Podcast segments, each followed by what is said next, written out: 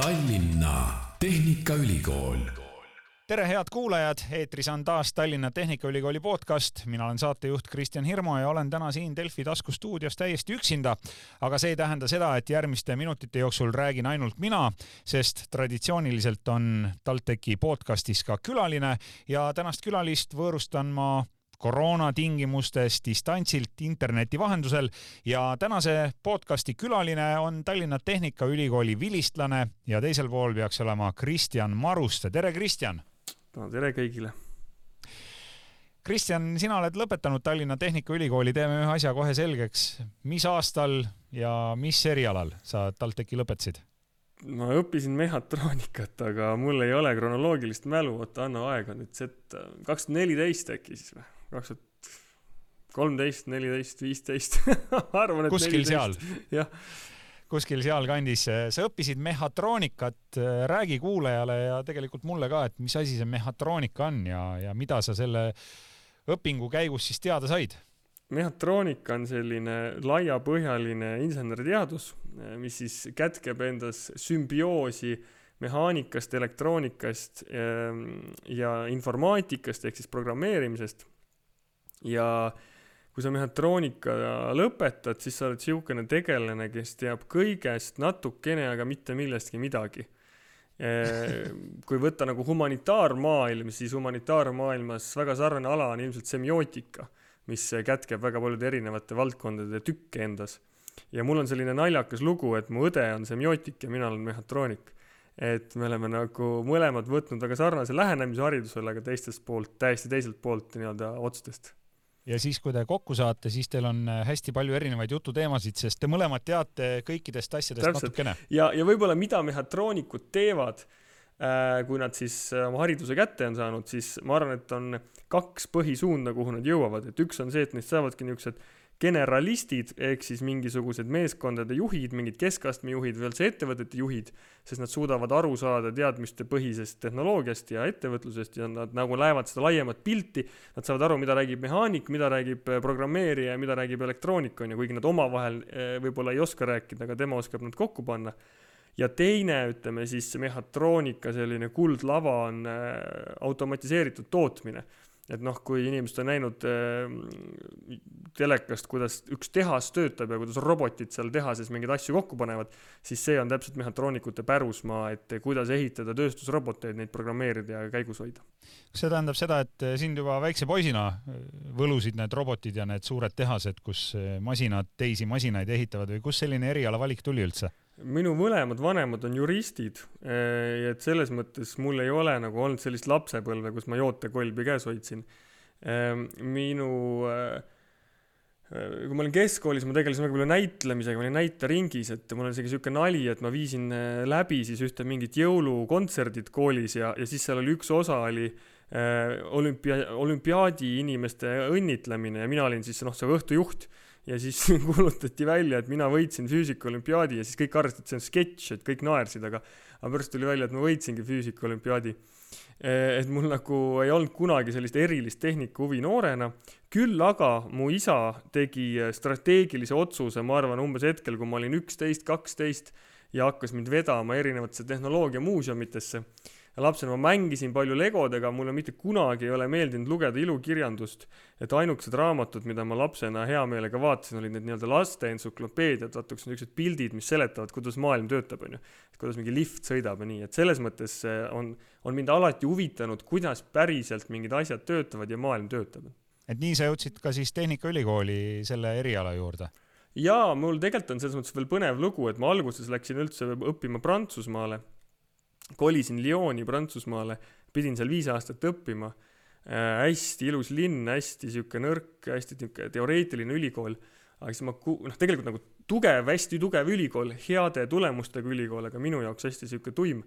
aga ma kuulsin äh, seal ühelt äh, inglaselt, et äh, Inglismaal saab Tehnikaülikoolis ehitada võidusõiduautosid ja nendega võistelda, siis ma mõtlesin, et mis ei ole võimalik, et me õpime siin ainult teoreetilist matemaatikat, et kuul-, tundub jube äge ja siis Prantsusmaal olles ma guugeldasin, eh, otsimaks siis meeskonda, see on siis ka sari nagu Formula Student, et et kus ma saaks ka sellega liituda ja ma nägin, et Prantsusmaal ühtegi meeskonda polnud, aga Tallinnas oli üks meeskond tehtud ja siis oli mul viimane selline tilk karikasse ja siis ma otsustasin tagasi tulla ja tulin siis, äh, ühe aasta olin seal, tulin tagasi Eestisse ja läksin TalTechi ja hakkasin siis tudengivormelit täitma.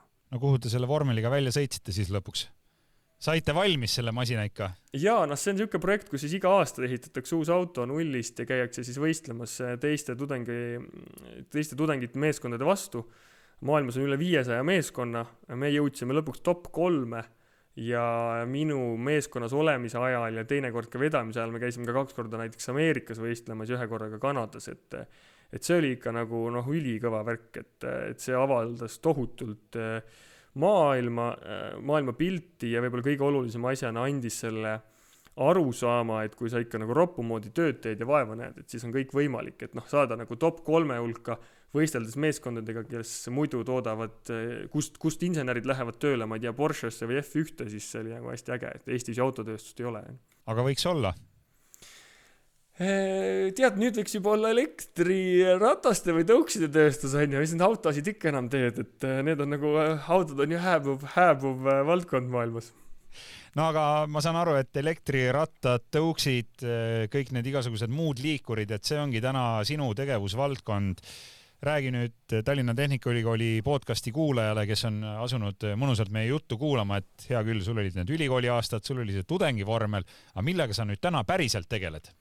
Mina olen siis üks asutaja ettevõttes, mille nimi on Co-Module ja mis meie oleme teinud nüüd varsti seitse aastat, et me loome ja toodame ise elektroonikat, niisugust elektroonikaseadet, mis siis istub elektriratastes, elektrirollerites, elektrimopeedides, ühesõnaga elektriliikurites, mis on väiksemad kui auto. ja see elektroonika siis kogub sellest sõidukist andmeid ja saadab need internetti, ehk et ta siis ühendab sõidukeid internetti ja me oleme tänaseks päevaks üle maailma ühendanud umbes nelisada tuhat sõidukit üle neljakümne viie erineva riigi. ja seda on vaja teha, et miks on vaja mingi jalgratas internetti panna, on ju, et noh, et üks ja. pool on siis selleks, et Facebookis käia sõidu ajal või äh,? ei, ratas saaks ise Facebookis, ratas saab ise Aha, TikTok'i okay. postitada okei et äh, seda on vaja kahel põhjusel, üks on siis äh, sellised uued ärimudelid nagu renditeenus on ju, et me ise jooksutame ka seda tuuletõukeratta-renti, mida Tallinnas ja Pärnus saab näha. et siis, kui sa tänaval oled ja tahad rentida endale seda sõidukit, sa saaksid seda läbi telefoni teha, sest kui sina vajutad telefonis nupule, et mine käima, siis see peab ju kuidagi sinna tõukerattasse jõudma ja see käibki läbi interneti. ja, ja samuti siis see tõukeratta saadab oma GPS-info läbi interneti, et sa saaksid näha, kus ta on ja paikneb. Ja siis teine pool, kes, teine klientuur, kes meil on, on siis need, kes toodavad sõidukid lõpptarbijale, et näiteks üks meie klient Eestis on ka Ampler, kes teab väga äge elektriratas, on ju, ja siis seal tekib niisugune teine segment, et sa tahad läbi äpi näha mingisuguseid andmeid oma sõiduki kohta. Ja lisaks äh, tekib ka see turvalisuse aspekt, et sa saad ainult oma telefonist oma ratta käima panna, keegi teine seda ära varastada.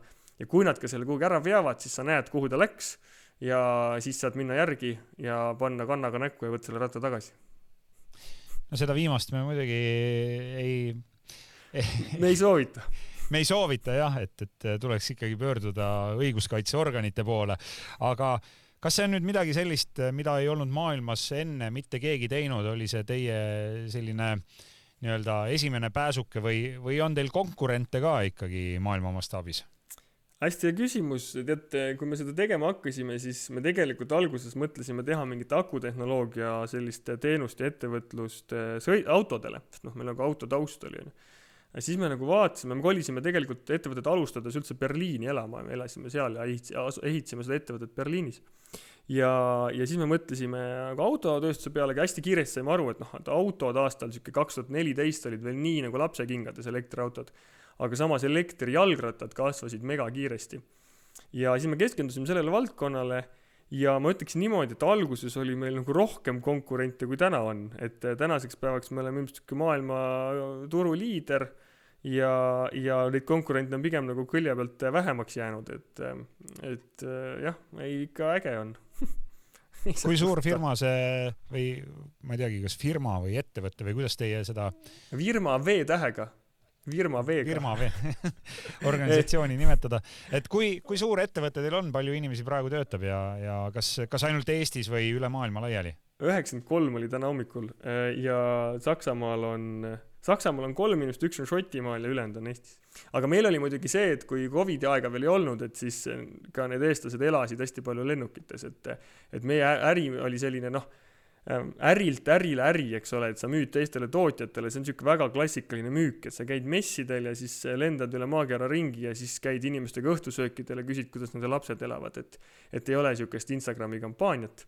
et seda Instagrami kampaaniat ja lõpptarbija suhtlust me saame nüüd läbi selle Tuule brändi, aga me varsti-varsti lansseerime ka täiesti uue brändi, mis siis müüb neid samu täna tõukerattaid ka otse lõpptarbijatele, et siis läheb veel ägedamaks kas sa ülikooli ajal siis juba nägid vaimusilmas ette seda, et sinu töö ongi käia teiste tähtsate onudega kuskil õhtusöögil, istuda nendega koos lauas ja rääkida, palju kellelgi lapsi on või, või millisena sa oma tulevikku ülikooli ajal ette kujutasid? võib-olla üks asi, et noh, ma olen Tartust pärit ja pigem on ju humanitaari poolelt, et, et just see tudengivormeli projekt koos nagu TalTechi õppimisega noh, tutvustas mulle kogu seda maailma ja tegi mind tuttavaks hästi paljude inimestega. et ma mäletan, kui ma mm, keskkoolis lugesin äh, Richard Bransoni eluloo raamatut, siis ma ütlesin oma vanematele, et mina ülikooli ei viitsi üldse minna, et see on nagu noh, jama onju. ja siis jällegi mu isa kasutas kavalust ja rääkis mulle sellest, et ei vaata, ega see, mis sa ülikoolis õpid, see on täiesti teisejärguline sest oluline ongi see võrgustik ja need inimesed, keda sa seal kohtad ja, ja noh, tagantjärgi tarkusena oli tal jällegi õigus. et, et sealt tekkis nagu väga palju sellist äh, inimkontakte ja arusaama, mida võiks teha. aga ei, ma kunagi ülikoolis nüüd nagu täpselt küll ei mõelnud, mis ma pärast tegema hakkan, kogu aeg oli nii kiire, onju, kõik päevad olid pikad. Aga teisalt ma tahaks võib-olla seda küll öelda, et mina ei ole kunagi elus mõelnud, et ma kuskile tööle lähen, et minu jaoks kuidagi see ettevõtja amet on hästi loomulikult tulnud aga küsin siis nii, et äh, kas äh, neid ülikooliaegseid kontakte on täna ka reaalselt selliseid, kellega sa suhtled igapäevaselt või, või ma ei tea, teete koos äkki isegi midagi, et, et äh, leidsid sa sealt need inimesed, keda sa otsima läksid? absoluutselt, et täna kõigist, kõik kolm asutajat, kes meil ettevõttel on, on TalTechi taustaga, Teeduga koos me ehitasime vormeleid. Stemo ja Aleksander, kes meil esimesed töötajad on, Stemo oli mu parim kursavend, kes mu koolist läbi vedas. Aleksander oli meil ka vormelis, et ja, ja, et see nagu jääb kindlasti ja ja, ja tõesti Stemoga kahekesi me olime sihuke paarisrakend, et, et absoluutselt, jah. on mõni õppeaine ka, millest kasu on olnud või oli see ülikool ainult puhtalt, et sealt sai uusi sõpru ja, ja õppida, kuidas rühmatööd teha? tead, ma mõtleksin niimoodi, et magister oli eelkõige rühmatöö tegemine ja ma arvan, et see ongi kõige olulisem oskus, mida sa ülikoolist õppida saad et sulle antakse ette nagu keerulised probleemid ja sa pead selle nagu meeskonnana ära lahendama, et see ongi tegelikult ju elu pärast, on ju. et loomulikult sa saad ka alg, algteadmised inseneeriast, ma ei tea, matemaatikast, füüsikast, joonestamisest ja nii edasi, aga eks see põhiõppimine käib ikkagi nii-öelda läbi selle projektõppe ja, ja meil sattus mingi täiesti sõge kursus sel aastal, vaata, me oleme natuke see laulva revolutsiooni lapsed, et siis meid oli palju ja konkursid olid natuke tihedamad siia-sinna. Aga kui ma õigesti mäletan, siis meil vist lennust, kus oli umbes, ma ei tea, kakskümmend viis inimest, kaksteist inimest sai cum laude või midagi sellist magistris, et et hästi sihuke vinge ja teravate pliiatsite punt sattus ja igasugused rühmatööd olid hästi ägedad, et noh, ühe rühmatööna me näiteks tegime robotkäe, mis liik- ja siis panid andurid enda käe külge ja sa liigutasid oma kätt ja siis see robotkäsi noh, nagu tegi sinu käeliigutusi järgi, onju. noh, sihuke klassikaline asi, mida sa mingi lapsena vaatad ja mõtled, ma tahaks ka olla robot, onju. ja, ja siis teedki seda magistris, et noh, nagu äge oli no õppisite seal magistris erinevaid probleeme lahendama, aga milliseid probleeme siis nüüd nii-öelda peale ülikooli päris, päriselus tahaks veel lahendada, et on sul on sul enda jaoks mingi siht paika ka pandud, Kristjan, et millised, millised on, ma ei tea, suunad või, või tegevused, mida, ma ei tea, järgmise viie või kümne aasta jooksul ette võtta? no me kasvame ettevõttena jõudsalt, eks, et, et me oleme pannud kümne aasta eesmärgi, et kümne aasta eesmärk on jõuda miljardilise käibeni et siin paljud startup'id saavad miljardilise väärtuse peale, et noh, tore on, on ju, aga väärtus on nagu selline pehme et äh, võib-olla täna on miljard, homme oled pankrotis, et äh, meie oleme selles mõttes natuke traditsioonilisem ettevõte, me tahaks ikka toota hästi palju ja olla miljardilise käibe peal, et. See on väga hea, sellepärast et äh, mulle meenub ka oma ülikooli ajast sellisest õppeainest nagu ettevõtlus, kui õppejõud vaatas ka neid töid ja plaane ja kavandeid ja ütles, et väga hea, aga kust raha tuleb, kus äri on? et teil on, teil on selles mõttes äri olemas ja, ja te teate, kust raha tuleb me oleme selles mõttes natuke teistmoodi nagu niisugust tavalist iduettevõtluse maalt, maailma vaadata jah, et, et, et me oleme küll ka raha kaasanud ja kaasasime just ka nüüd hiljuti, aga, aga, aga suhteliselt vähe ja väga suure enamuse oma kasvust oleme ikkagi läbi, läbi kliendilt saadud raha teinud, et, et selles mõttes on, on läinud ägedalt ja, ja kuna me ise ju toodame, et siis me nagu põnevalt selles mõttes äh, balansseerimegi sellise nii-öelda ütleme iduettevõtluse ja, ja siukse tarkvaraäri ja siis selle nagu päris tootmise vahel, et me teeme seal nagu kõike. aga mis on siis äh, järgmised suured läbimurded, ma ei tea, kasvõi nende elektrirataste, tõukside transpordi valdkonnas üleüldse? no minu sihuke missioon laiemalt on ikkagi see, et mul on nelja ja üheaastased pojad, et kui nemad üles kasvavad, et siis nad küsiksid, et kuule issi, et kuidas see võimalik oli, et kunagi olid äh, tänavatel nagu mingid tapvaid gaasi eritavad äh, sõidukid, onju. ühesõnaga, sa tahad kütusefirmat siis põhja lasta või? absoluutselt, kui sa vaatad geopoliitikat, siis äh, maailm oleks nii palju rahulikum koht, kui ei oleks kindlaid riike, kes teenivad palju raha kütusest, onju. kui sa vaatad Eesti makromajandust, siis väga suur osa meie riigi rahast liigub välja, sest me ostame väljastpoolt vedelkütuseid, onju. et seal on nii palju aspekte, miks on hea liikuda elektriga, onju. sest elektrit tegelikult suudavad kõik riigid üle maailma toota, kes päiksest, kes, ma ei tea, veest, kes tuumast, onju. aga lihtsalt see, see tegelikult oluliselt jällegi rahustab niisugust maailma geopoliitikat. aga ma toon sulle näite, mida ma mõtlen selle sellega, et eh, kui sa täna Eestis oled tänaval, siis noh, suht okei okay on, onju, kui sa oled mingi suure bussi taga, siis on ikka vastik, onju, sa tunned kurgust kraabib.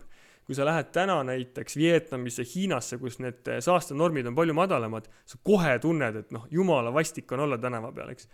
ja, ja kui sa nüüd mäletad, eh, noh, sa oled ka palju ööklubides käinud mees, onju, et kümme aastat tagasi läksid ööklubisse, siis pärast mitu päeva sul juuksed ja riided haisesid, kes kõik suitsetasid, eks.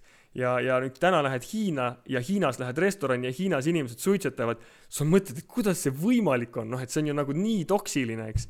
ja ma arvan, et kui me saame nagu bensiini- ja diisliautod tänavatelt ära, siis me kõik mõtleme samamoodi, et kuidas see võimalik oli, et me kunagi elasime nagu sellises keskkonnas. olen sinuga selle ööklubi võrdluse koha pealt täiesti nõus ja kui ma oma vana-vana plaadikohvri täna avan, umbes paarkümmend aastat hiljem, tead, sealt tuleb seda sigaretivingu veel tänagi ikka veel välja. aga see tähendab siis seda, et, et ühel hetkel võib maailmas valitseda ikkagi olukord, kus ka seal Hiinas ja Vietnamis ja ja ma ei tea, veel mingites kolmandates, neljandates riikides, et kõik need hirmsalt reostavad kahetaktilised võrrid, nii-öelda need, need siis kaovad ja, ja need asendatakse elektrisõidukitega kas selline asi võib siis ühel hetkel juhtuda? see on täiesti kindlasti, see juba juhtub, on üks hästi lahe ettevõte GoGoro Taiwanis, kes teebki põhimõtteliselt eh, sama hinnaga elektrirollerit, mis neil seal täna Taiwanis põhisõiduk on, on ju, bensiinine kahetaktiline ja seal on veel niisugune suur võrgustik eh, akuvahetusjaamasid, nii et inimesed ei pea isegi akusid nagu laadima, et nad jäävad seisma, tõmbavad oma aku välja, võtavad teise asemele ja nad on üliedukad, et nad teevad seal, ma ei mäletagi, pea pool miljonit seda sõidukit juba aastas, et, et eh, mida rohkem sa inseneeriasse sisse lähed, seda rohkem sa saad aru, kui eh, keeruline, kui, kui liigkeeruline on sisepõlemismootor. et kui sa võtad näiteks tänase diiselmootori, mis autos on, siis see on nagu selline asi, et kui sa sinna peale vaatad, siis kõik inimesed tahaks öelda, et jumala eest, et nagu kustutage see ära, alustame puhtalt lehelt, onju. et see, neid alamsüsteeme, mingeid puhastajaid ja summuteid ja, ja, ja kõik siukseid asju, et need turbosid, et see nagu töötaks, neid on nii palju ja see on nii keeruline, see on nii kallis ja seal on nii palju sensoreid et see on niisugune asi, et tegelikult äh, seal niikuinii oli vaja midagi teha, et saaks selle jama nagu õhku lasta ja hakata nullist peale. ja kõik elektrilahendused on lihtsalt oma juba inseneri, insenerlikust asja, poolest nagu nii ilusad ja nii lihtsad, et nad juba sellepärast võidavad no tööpõld tundub sul suur olevat, räägi natukene sellest teie päris oma tõuksist ka, sellest tuulest. ma võin öelda, et mina näen neid üsna tihti, ma ise küll paraku ei kasuta, et ma olen veel see vana hea sisepõlemismootori ori ja käin ikkagi aeg-ajalt oma autot tankimas, kuigi mul on väga ökonoomne masin. aga neid tuuletõukse ma näen ja, ja ma nägin neid ausalt öeldes isegi siin mõni aeg tagasi, kui Tallinnat ja ülejäänud Eestit tabas ka see õudne jäävihm, ma ei, ma ei tea, kas sa mäletad kahe tuhande kahekümne esimese aasta hilistalvest või varakevadest ja need teie tuuletõuksid seisid vapralt selles jäävihmas, et ma just mõtlesin, et huvitav, et kas on nii julgeid ka, kes nendega sõidavad, aga kas see on nüüd siis nii-öelda teie päris enda ehitatud tõukeratas? jaa, teeme nii, et saada mulle oma telefoninumber, ma saadan sulle pärast krediiti, et siis sa saad ikkagi ka hakata tuulega sõitma aga me jaa, päris nullist oleme selle ise välja mõelnud, teinud, äh, me oleme pannud kolm eesmärki, et oleks mugav kasutada, kes paneb tähele, sa saad kaks jalga kõrvuti seista, noh, väike asi, aga seal on hästi palju detaile, miks ta mugav on.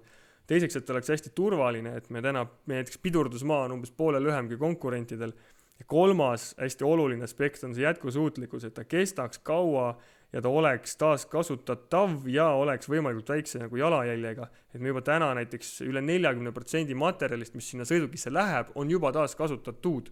et eh, me juba kasutame nii-öelda teise ringi metalli seal. ja me teeme jah, nagu täiesti teistmoodi, et eh, täna me oleme ainuke ettevõte maailmas, kes toodab elektritõukerattaid väljaspool Hiinat. mitte keegi teine seda ei tee ja me oleme nagu ainukesed, kes ma arvan, ongi selle asja nii läbi mõelnud, et inimesed nagu päriselt tahavad seda kasutada punktist A punkti B jõudmiseks, et mul on nagu mulje, et siiamaani enamus elektritõukerattaid maailmas on tehtud nii, et keegi kunagi pani tavatõukerattale mootori peale ja siis hakati sealt järjest seda edasi arendama, et keegi nii-öelda nagu valget lehte ette ei võtnud. et eh, jah, me oleme nüüd neid siin üle tuhande tootnud tänavatel kõvasti testinud, saanud palju tagasisidet, juba teinud palju muudatusi ja nagu öeldud, et siis me siin aprilli teises pooles läheme ka niisuguse uue brändiga avalikuks, et siis ka kõikidele lõpptarbijatele müüa neid. kas äh, lähete oma tõuksidega ka mõnele välisturule või, või praegu ikkagi toimetate ainult Eestis? me aprilli lõpus avame poe Pariisis, nii et me lähme, kui me sealt nagu lõpptarbija müügist räägime, et siis meie fookusturg saab olema Prantsusmaa ja meil on praegu, just enne siin tegelesin sellega, et meil on Rue de Rivoli, mis on, läheb Champs-Élysées Pariisi linnavalitsuseni on üks kõige ägedamaid tänavaid Pariisis. Seal on ka hästi äge see, et seal oli vist neli, noh, kolm või neli sõidurada ja siis kaks neist võeti ära ja tehti sinna jalgrattatee. ja meil on selle jalgrattatee äärde tuleb siis ka päris oma sihuke showroom, et äh, päris kihvt, tahaks juba valmis saada, oleks koroona läbi, oleks juba kõik valmis ka no kui sa tänasele podcasti kuulajale, kes võib-olla kaalub ja mõtleb, et mida oma tulevikuga peale hakata ja, ja kellel on ka ees ülikooli valik, et mida sa temale võiksid öelda näiteks kasvõi oma ülikooli kohta, mille sa siis lõpetanud oled, TalTechi, et, et mis täna noortel üldse selliseks tuleviku vaatamise jaoks vaja teada oleks, et, et mida oleks vaja õppida või kus oleks vaja õppida? võib-olla ühe asjana ütleksin seda, et et hästi tihti öeldakse, et noh, et mine hullult oma kire järgi ja, ja minu abikaasa on ka õppinud koreograafiat ja on rahvatantsu õpetaja ja looja ja ta on hästi õnnelik. aga tihti on inimesi, kellel võib-olla ei ole sellist hästi selget nagu kirge või mingit ühte kirge või nägemust. ja siis mulle tundub, et need inimesed hästi palju nagu raiskavad aega mõtlemaks, et mis mulle siis päriselt meeldib. aga üks asi, mida ma väga tahaks noortele öelda, on see, et et valige valdkondi, kus te näete, et on palju, mida hakkab maailmas juhtuma. noh, et ütleme, elektrifitseerimine on noh, selgelt näiteks üks neist, eks. toidutehnoloogias juhtub hästi palju, on ju, mingites ravimivaldkondades, et äh, proovige mõelda nii, et mis tehnoloogiat, mis valdkonda on kümne-viieteist aasta pärast hästi palju vaja ja lihtsalt sellepärast, et kui sa teed mingit asja, kus täiega juhtub ja, ja, ja möll käib ja kõigile meeldib, sa saad sellest ise nii palju positiivset energiat. tee midagi sellist, kus, kus on nagu kasv, sest sest noh, jube äge on olla mingis valdkonnas, kus nagu paugutatakse ja, ja räägitakse ja kirjutatakse ja ja kus toimub kiire tehnoloogia areng. aga noh, laias laastus ma ütleks ikka igale inimesele, et kui vähegi, kui teil vähegi tehnoloogia vastu huvi on, et siis kindlasti siduge oma tulevik tehnoloogiaga, sest mina olen nagu rääkinud sellist lugu, et, et kui ühiskonda või inimkonda kirjeldada bussina, siis teadlased on need, kes kallavad bussi kütust, insenerid on need, kes istuvad äh, rooli taga ja keeravad seda bussi ja otsustavad, kuhu see buss läheb ja kõik ülejäänud inimesed nagu tulevad kaasa.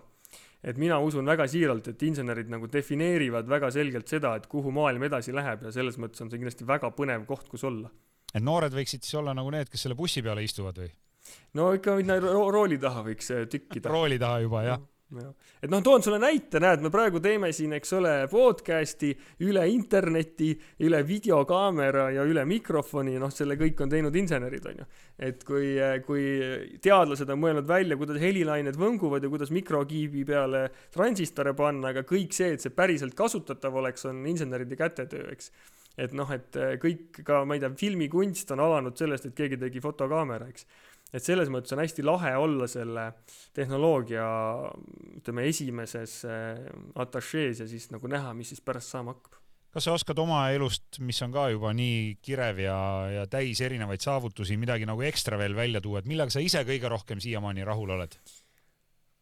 siin oli jah, see eelküsimus, et mida sa ütleks üheksateistaastasele iseendale, et, et mina ei tea, ma olen jah, hästi rahul oma eluga olnud siiamaani ja hästi lahe on olnud ja palju on tehtud, et et äh, võib-olla üks asi, millega ma olen väga rahul, on see, et äh, ma olen äh, seda vormelit ehitanud ja ülikooli lõpetanud ja ettevõtte teinud, aga samal ajal olen ka, ka abiellunud ju endale kaks põnni suutnud maailma juurde tekitada, et et väga inimestele võib-olla seda ka nagu kuidagi hingele või südamele panna, et, et selline ühele asjale keskendumine ka nagu kaugele ei vii, on ju, et sa võid, ma ei tea, väga edukas ja rikas olla tööalaselt, aga kui sa õhtul koju lähed ja üksi patja nutad, et siis ei ole see elu ka elamist väärt, et, et selles mõttes proovige ikka niisugust balanssi leida ja, ja kõike, kõigega tegeleda.